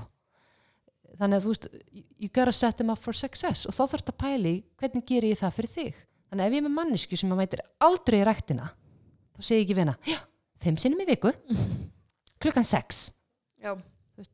þetta er að, hún, þetta er að fara að mistakast Mhm. mjög líklega ég þarf svolítið að pæli því hvernig manneski er ég hvað móti vera mig og hvernig ætla ég að komast ángað og stundum, er rosa gott að fagna Mhm. og segja bara ok, þegar ég er búin að ná þessu markmið eftir þrjá mánuði eða þessu markmið eftir sex mánuði þá ætla ég að fagna. Ég ætla hérna að kaupa mér eitthvað fyrir tíu skall. Já. eða ég ætla bara að fara út að borða með vinkonum minni eitthvað svona, Mhm. þá er ég með, þú veist að ég ætla að fagna þessu, við gleymum oft að fagna. Og líka bara, þú veist þú ætlar að vera, hérna þú ætlar að vera góði vinur segjum að það sé markmiðið þitt. Þá bara þarf að setja niður, ok, ég ætla að ringja í þess og þessa á, hérna, þú veist, ég skilur þau svolítið að pæla, ég ætla að bjóða þessum í matabóð ég ætla að rósa þessari vinkonu minni þú veist, gera þetta svolítið svona að vera ekki bara eitthvað ætla að vera góð vinkona, Mhm. og hvað? Einmitt. hvernig ætlar að gera það? Þú veist, þú lest ekki bara bók um það þú þarfst svolítið að finna út úr því. Já, við fórum líka betur út í hana, smart og gró í þættinu með söndru. Já. Hann að þið getur líka að hlusta á hann sem er að hlusta þegar þessi er búin, þannig að Mhm. þið veitir svona meira hvað erum að tala um. Mm að því að þið farið mikið í smart og gróið það ekki í, jú, við Jú, og svo bara hvernig ætlar að nálgast þetta og eitthvað? Og ég bara, aðalatrið er að vera þú veist, þetta eru bara draumar með Mm. dagsetningar. Skilur þú, það bara hvað langar það að gera og settu dagsetningu á það? Mhm. hvenær viltu vera búin að þessu og svo eru sumar sem vita, þú veist, ég veit ekkit hvað ég á að gera ég veit ekkit hvað mér langar til að læra ég veit ekkit hvernig ég vil, en þú veist, þá, þá er líka gott að gera, ok, hvað viltu ekki gera? Þú veist, þú veist ég hvað ætlar að læra hvað viltu ekki læra, ég vil ekki læra verkfræði. Ok, það eru búin að útiloka það. Hvað viltu að, hérna, og ekki viðskiptafræði. Ok, burt með það, þú veist, uh, uh, þú ert ekki bara að hugsa, ég veit ekki neitt. Hvað viltu ekki gera? Já, bara svona útilökun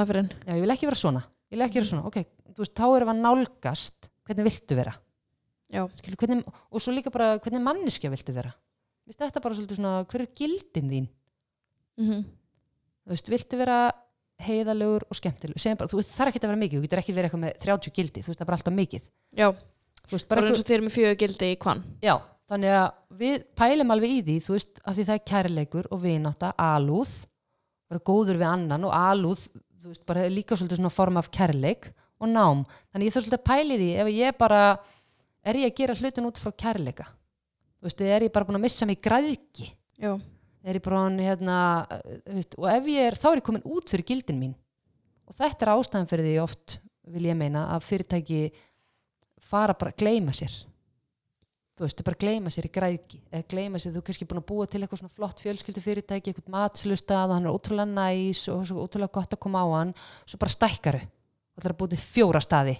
Já og þú missir svolítið þetta touch sem að var hann á þessum eina stað mm skiluru, þá verður að haldi gildin, hvernig get ég haldi þessi gildi þannig að allir sem koma inn á veitingastæðinu finni þetta ennþá, þú veist, þetta er bara eins og við myndum búið til kvan í fleiri löndum eða út um allt og allir bara vera eitthvað global. -hmm. og hvernig gerum við það án þess að missa það sem við erum með? Já, veist, þannig að þú veist að svolítið svona, og það er bara sama með þig ef að gildi þitt er heiðarleiki og þú ert bara fann að baktala einhverja vinkonuðinar mm er ég heiðarleg? Nei. Þú veist, vil ég vera svona? Nei. þá það maður alveg bara svona, nei gildi mitt er heiðarleiki, hvað er ég að gera? Þú veist, Ekki það. það, já, eða skilur, maður þá svolítið að ég fara þarf að skrifa tilbaka drauma með dagsningar niður sko, ég þarf að muna þetta drauma með dagsning, kannski voru þú bara glemdir þetta dagsetningu á hérna pick-up truckin og Já. hérna og, annars hefði ég kannski verið komið, búin að gifta með ofengi pekatur ég er að segja þér var engin, var engin magi eða þú veist, var bara bara, Bara dress. ég já, bara, það var ekkert sem að tengdist manni þarna, eða annari konu, þetta var bara ég. Kannski er þetta hann að giftast sjálfur sér. Oh my god, já, ég sérst var að segja önnað í kvan, ég ætlaði bara eitthvað svona ég er bara að giftast bara sjálfur mér.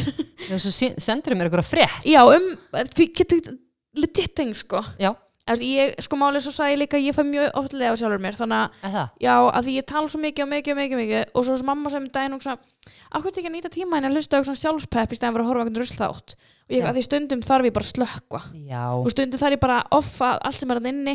Og þú getur ekki, fólk getur ekki ímda sér hvað er mikið í gangi þú veist, að ég set og horfa þig þá er ég samt líka að hugsa þú veist, ég var að hugsa núna þegar ég var, samt að, hlu- ég var að hlusta, mjög ég, ég, mindfully ég að ger hlusta. þetta líka sko. Já, já, hm, ég er bara með söpbu alveg heima salat. Þú veist, að ég, ég bara svona, er að geta verið á fjórustuðum einu. Já, en svo veist mér líka að geða þetta að hlusta á svona pepp þegar ég er kannski meira svona að þú veist, gera mig til eða þú veist, þrýfa eða eitthvað þannig já, þar sem ég er meira svona, já, og svona, uh, en þegar ég ligg í sófanum þá langar mig bara að vera ekkert fattur já. þá Ég langar skil mig ekkert endilega eitthvað, já, gera Nei, það, og það er bara ótrúlega mikilvægt að vera ekkert. Já, ég ger alltaf með sérna, ég horfi ótrúlega mikið á Graham Norton, ég veit ekki hvort þú veist hver það er það er svona, jú, það er spjall þátt að svona host, en ekki breskur? Hann er brjálæslega er fyndin ekki alltaf fjórir hjá eða og bara ógeðslega á hjá þú veist, við erum bara að tala um aðal númerin eru hjá honum og hann er svo skemmtilegur og hann er svo bara hann sjálfur hann er alltaf ít í því og poti, að, þú veist, breytar aðeins öðruvísi sem bandar ekki menn þeir, þú veist, segja hlutin aðeins öðruvísi og eitthvað svona þóra segja bara alls konar og hann er svo fyndin og skemmtilegur. Og ég stundur bara út í bíl áður en ég kem heim til mín. Já. þá bara sitja út í bíl, kannski í tímyndur eða kortir eða eitthvað og er bara að hlusta þetta og er að fara að hlæja, þá kem ég skemmtilegri heim til mín. Mhm. þú veist, það er ekki eitthvað nýkomin úr einhverju vestlun og eitthvað, nei, nei, hjálpa mér að ganga þú veist, þá er ég bara eitthvað hú, hú, eða þá ég horfa á Michael McIntyre sem er hérna comedian, breskur. Hann Ok. er ruggl fyndin sko. Mér finnst uppistund eiginlega aldrei fyndin Nei, þessi er, þú, ég er bara að segja þér að þér eftir að finnast þessi fyndin af því að hérna, hann er bara að gera grína alls konar og þú veist, að því mér finnst alveg sumir ekki fyndinir Já, þannig að, og þetta ger ég oft þú veist, að því ég er kannski búin að eiga daga þar sem ég er bara upp á sviði, búin að halda fjóra fyrirlestra eða eitthvað, og alltaf að peppa. emotionally drained. Já, Verður og- aldrei þannig? Jú, þá, jú, jú, en ég nærist upp á sviði. Já, þú veist, þegar ég fyrir upp á svið þá bara þá bara breytist ég og ég verð bara ótrúlega kraftmikil og ókslega gaman og ég nærist ég fæ orku. Og ertu aldrei sviði. bara eitthvað svona Ég get því uh, jú, stundum er ég bara ég geti þetta ekki og þá set ég bara, að því, hvað ég gera? Ég get ekki fara upp á svið og bara, hella, ég get ekki nei, gaman að sjá, þú veist, ég get það ekkert. Þannig að þá set ég bara til að koma mér í gýr og bara set ég geggja tónlist svo fyrir ég upp á svið, þá finnst mér alltaf gaman. Mm. Mhm. alltaf gaman upp á sviði, en þegar ég er búin og ég komin heim til mín, þá er ég kannski þreytt. Mm en upp á svið er ég ekki þreytt. Þannig að þá langar mér stundum bara að sitja út í bíl og bara aðeins að hlæja Já, og ekki þurfa að tala. Ég veit ekki hvort þú upplifur það stundum þú veist, þú bara nennir ekki að tala. Já, vámaður Ég kom heim um daginn og ég ætlaði að segja einhverju sögu sem var alltaf mikilvæg. Já. Svo var sagði ég bara, ég, ég nenni ekki að segja þessa sögu núna. Má ég segja þetta á eftir? Já. En það var svona hvernig dagurinn ég var Má ég segja þér á eftir? Ég bara, langar ekki að tala. Nei, ég Og upplifur talar þetta. allan daginn. Já, ég stundum bara, ég get ekki meira. Nei, ég get ekki, Þú og ert ekki þá loksins finnst að- mér þá horfi ég á eitthvað tett fyrirlestur eða ég bara eitthvað, Já. eitthvað drast Mhm. eins og þú, þú veist ég bara, ég Einhverju bara pop tónlistadrast líka. Já. Ég elska það. þú veist, bara sóna út og bara með tunguna lafandi líka og bara ger ekki neitt eitthvað svona, þú veist, að því ég bara ég meik ekki vera eitthvað svona að horfa bara, be- eða þú veist, það er Mhm. ekki svo lis Ég held líka sko að ég held að sko að ég, ég fór að hugsa, stendur eitthvað Þú töflum veist að hugsa um Subwayn Já, já, Já, nei, ég var ekki svona hm, Nei, hann að, ég held líka sko að allt sem við erum búin að læra í hvaðan snýst rosa mikið um þessi hann að þessar hindranir. Já, að því ég er búin að vera svo mikið svona eitthvað að spá í þessu sem vorum á þriðdægin bara hvað álit annara skiptir mig miklu máli. Já, að því bara einhvern veginn að öllu leiti hvað ég gera og hver ég er, ég var alveg fyrst til að byrja hvað að væri bara hvað, ætlum finnst pyrrandi hvað ég er að tala mikið. Já, og svo mann ég kom og ég er svona eitthvað, þetta er alltaf fullur, fullur fólk og ég er bara eitthvað litla ég. Já, ég bara, ég get ekki neitt, ég er ömuleg svo fórum við þar sem manneskjana mót okkur kynnt okkur. Já, og ég var stressuð og hún var bara að kynna mig að ég bara, allir eitthvað slögfræðingar og svaka flott fólk og svo kem ég. Ég er eitthvað bara áhrifavaldur. Já. og svo las hún mitt og það er eitthvað, "Vá, ok, já, leikskólakennar þú læra leikskólakennar og ég vinna ár ég er svona, "Heh, já, ég er kannski bara ekki litla ég. Nei, og það er fullt af fólki sem veist bara brjálaðislega áhugavert sem þú ert að gera og það er áhugavert, maður bara heldur að ég er bara, oh my god, ég er bara lítil ég get ekki svona eitthvað, þú veist, og það svo imposter og ég, syndrom já, og ég hugsi þetta líka stundum þegar ég er í kringum eitthvað fólk sem er kannski bara búin að ná einhverjum frábærum árangri og eitthvað og ég er bara, beti, ég er bara búin að gera sjö, veist, ég, það er ekki eins og ég lappi bara út í daginn bara, hæ hæ, pepp lífsins mæta svo, þú veist really, Ég þarf stundum bara að peppa mig í gang og eitthvað, en ég, af því ég er búin að vinna við þetta svo lengi, þá er ég fljót Mhm. að hérna, detta úr sem veist, og ég finn það bara með hverju skiptinu sem að ég er að spá í þessu eitthvað svona, Já. þeim finnst ég alltaf hvað svo er bara það er bara þeirra vandamál. Uh, algjörlega. Þeir þurfa bara það að hætta og líka bara, þú veist, ef einhver finnst þú ekki vera skemmtilegur það er bara hans vandamál, þú veist, Mhm. hérna eða, hvað ég gera, vera bara leika trúð. Það er bara ekkert hægt og í næsta tíma erum við að pæla í hugur ekki. Já. Vist, það geggja ég er spennt að læra það sko. Já, bara, veist, og við erum öll hugurökk mm þú ert bara hugurökk að segja eitthvað. Þú ert hugurökk að prófa eitthvað sem þú eru aldrei prófað. -hmm. og hugur ekki mismunandi. Veist, það sem að mér finnst hugur ekki finnst þér ekkit endilega hugur ekki skilur það er kannski einhver rosalega feimin og þú eru rétt upp hönd. Mhm. það er bara æðislegt hugur ekki. En ég er kannski eitthvað, byrju, er ekkit ég get ekki verið eitthvað að segja mitt er þitt. Einmitt. þannig að, að, að við verðum að finna þetta hugur ekki. Mhm. og þú finnur hugur ekki innra með þér, þá er bara sky limit. Einmitt. sky is the limit, bara, þú veist, farðu þangað sem þið langast að fara. Og láttu ekki neitt segja þér og getur það ekki. Bara láttu ekki fólk stoppa þig. Bara áfram með þig og út með þig og bara takast á við heiminn og prumpað á hennan ótta í alvörunni, þetta er bara eitthvað bíó-röstl hugsanir Mhm. Í alvörunni, að þú lærir að stoppa þér af að þetta er bara eitthvað, hvað ef? Þú getur ekki hérna, ekki hérna þú veist, þú bara læra að segja bara, uh, nei nei ég ætla að henda þér í Já, þú ert röggl þetta er bara eitthvað röggl í alvörunni, þetta er bara eitthvað svona eitthvað svona. Og að þú lærir að henda þessi bara í rusli og bara þú veist áfram með þig. Og ímyndaði bara og sért með skikju og bara og rakið til rassinum. Mm -hmm.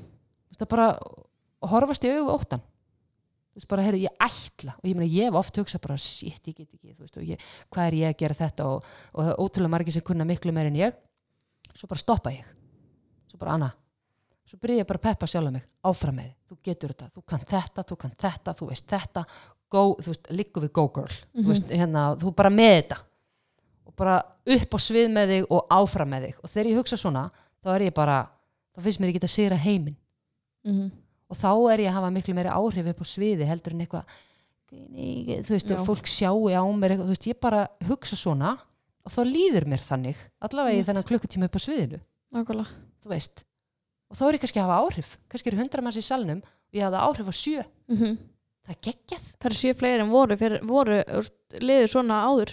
Já, og þá kannski, ok, 93 jú, jú, 90 hlusta á mig, þetta var fínt. Mm -hmm. þrýr voru bara ekkert að pæli mér, bara alveg sama. Sjö voru bara, ég er að fara að breyta lífið mínu eða eitthvað, já, pældi því. Spáði eitthvað það er trillt. Það er trillt. Og í staðan fyrir að hugsa um þess að þrjá ég veit, sem ger ekki neitt þá ætla ég að hugsa um þess að sjö. Þú veist, 90 er bara svona hvort Já, já. þú veist, það er bara fæn. Og þetta var ekkert að þetta var bara fínt, mm þú veist, en sjö eru bara að fara að gera eitthvað.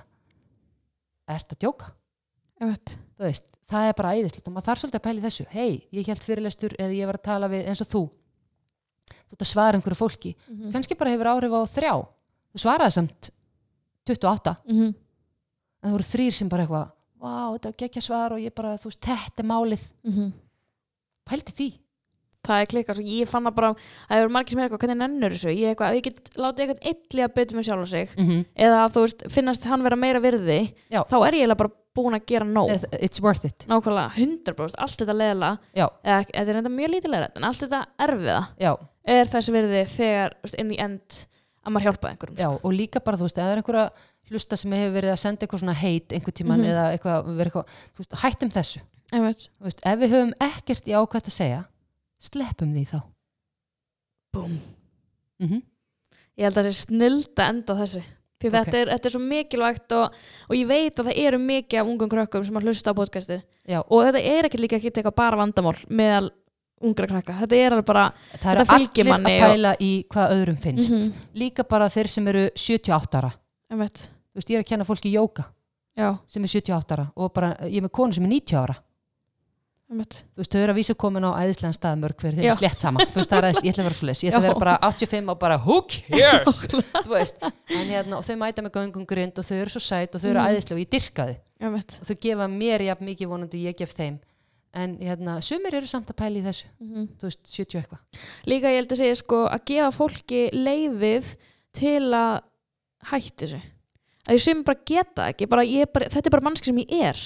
Og Já. bara hér með erum við að gera sko- sko, leifið til að hætta. en þú eru líka að pæla í einu, það er eðlilegt að pæla í hvað öðru finnst, það er, það er skrítið að pæla ekkert í því. Þá ertu bara á einhver psykopath Mhm. þú veist, að því þið er bara slett saman með allt og bara drull yfir alla það er ekki þá ertu náttúrulega alveg hinum endanum að vera Já, en það er alveg Vondur. eðlilegt að pæla eitthvað hvað öðru finnst, Mhm. það er bara heilbrikt en að allt sem hún gerir stjórnist að því hvað öðru finnst þá er þetta orðið rugg, Mhm. þú voru að finna þarna einhvern milliveg, veit þú ert líka bara að hlusta á fólki sem þið þykir væntum, þetta er bara sama með mig, ef að ég væri bara, ætlaði bara að hlusta á einhverja sem er að gaggrina mig á eitthvað, myndi ekki gera neitt. Nei, þú veist, og því fleiri sem hlusta á þig því fleiri gaggrinendur veit Þú veist, það er bara svo leiðis þannig að hérna, auðvitað heyri ég þetta og ég get kannski breytt einhverju ef ég tek það til í mín en sumt er bara röst og líka þeir sem eru að gaggrina er fólk sem þekkið ekki nógu til að gaggrina yfirleitt sko? Nei, og það er líka bara Brenni Brown tala, hún er frábæra fyrirlestra og hún talar um það sko að hérna, ef að þú hefur ekki verið í mínum sporum Mhm. þú veist, og er bara eitthvað þú veist, þú gerir aldrei neitt og situr bara heim í sófanum og er það gaggrina, ég veit er ég þá að hlusta. Skilur, en ef einhver hefur prófað að gera það sem ég er að gera og hann er að gefa mér ráð veist, já, nákvæmlega. En einhver sem situr í sófanum og er bara með hate mail og skrifi eitthvað þú veist, og þú er bara aldrei gert neitt og aldrei prófað neitt. Mhm. þú veist, hvernig var bara að standa upp og gera þetta sjálfur og, og gaggrina síðan? Nákvæmlega. Þú veist, ég er, núna er ég svo mikið haustum bara það er svo margt að gera sko. Alltaf ég tekur svona podcast að ég ætla alltaf að vera ekki að sniðu taka bara þrjá röð. Já, og svo er ég, eftir hvert þátt þá er ég alltaf bara bara svona það er eitthvað svo margt að gerast. Þetta hjóla snúast en það er bara það er frábært að vera með svona huga, verður bara glöð. Já, veist, það er bara creative mind og, og og fullt af hugmyndum og þetta er eins og krakkar sem eru með ADHD mm -hmm. þetta er bara æðislegt að hún er að beisla þetta. Þú veist, að þú fær svo ótrúlega mikið hugmyndum og þetta er Mhm. yfirleitt karaktera sem þóra, eru kvatvísir bara frábært. Þetta er freka kostur Já, ég er búin að læra að áttum á því að þetta er kostur heldur en galli því að mér fannst þetta óþólandi þegar ég var yngri og ég sagði bara allt með dætt í hug og það lag allt út um mér, ég gat ekki og ég gat ekki haldið neinu fyrir sjálf á mig. Nei, og svo núna líti ég bara meira þessu kosti og svo marga vini og svo mikið af fólki Já, kringum mig af því að það vilja allir vera kringum mig sem er alltaf að sprella sko. ég veit það. Og svo bara lærir að beislita Já, það er eins og aðeins eru ég veit það, en þú veist, þeir sem að ná einhvern veginn utanum þetta, því þetta getur líka valdið manni miklum kvíða og erfileikum Já. og eitthvað. Svo þú ert bara að vinna með þetta og, og haldi svo svolítið svona bara þannig að þetta funkeri fyrir þig mm -hmm. þá bara er þetta geggjað, mm bara miklu betra heldur en e- ekki. -hmm. Nei, allir maður, Allt betra allt rillt Nákvæmlega. En ég mæla alltaf svo innilega með því að þau kíkja á kvann þegar þetta fylgjast með kvann á Instagram. Mhm. og svo bara er það ekki? og bara fullt í gangi og inn á Facebook, við erum Mhm. svolítið miðaldra hann já, þeir inn á Facebook, að færa einmitt. okkur inn á Instagramið. Um, en það er bara fullt í gangi, við erum að fara með alls konar fyrirlistra í framhaldsskóla og hérna út um allt bara. Þannig að ef ykkur langar til þess að kynna ykkur máli það er bara Mhm. kann.is Geggjað. Takk Yeah. fyrir að koma. Takk fyrir mig, það ógslega mann Besta podcasti líka fyrsta Já, nákvæmlega. Best að byrja á tófn Best að byrja á know Takk fyrir